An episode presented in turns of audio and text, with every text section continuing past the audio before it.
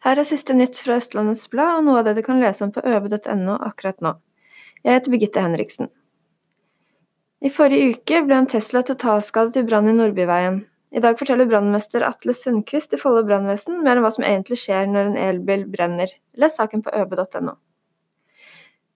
Sigrid håndballherrer har hatt en strålende sesong i tredjedivisjon, men pga. økonomi har laget frivillig sagt fra seg muligheten til å rykke opp til andredivisjon.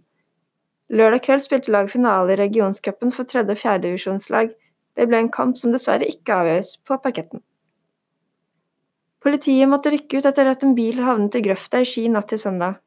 Føreren skal både ha blåst godt over lovlig verdi og kjørt uten gyldig førerkort. Sushi-søstre i Ski går meget bra, og innehaver Hao Nguyen har tenkt til å bli i stasjonsbyen i mange år framover. Da jeg beskrev at vi vurderte å legge ned lunsjtilbudet før jul, trodde mange at vi hadde tenkt å gi oss helt. Jeg vil understreke det en gang for alle, vi skal ikke legge ned verken lunsjtilbudet eller restauranten, sier hun. Hold bikkja i bånd, kommer den bastante oppfordringen fra skogbestyreren i Ski kommuneskoger. Fra mandag er ingen unnskyldning for å la hunden gå fritt. Dette og mye mer kan du lese om på øve.no i dag. Og har du ikke abonnement, får du tilgang til alle våre nettsaker i fem uker for fem kroner. Ha en fin søndag.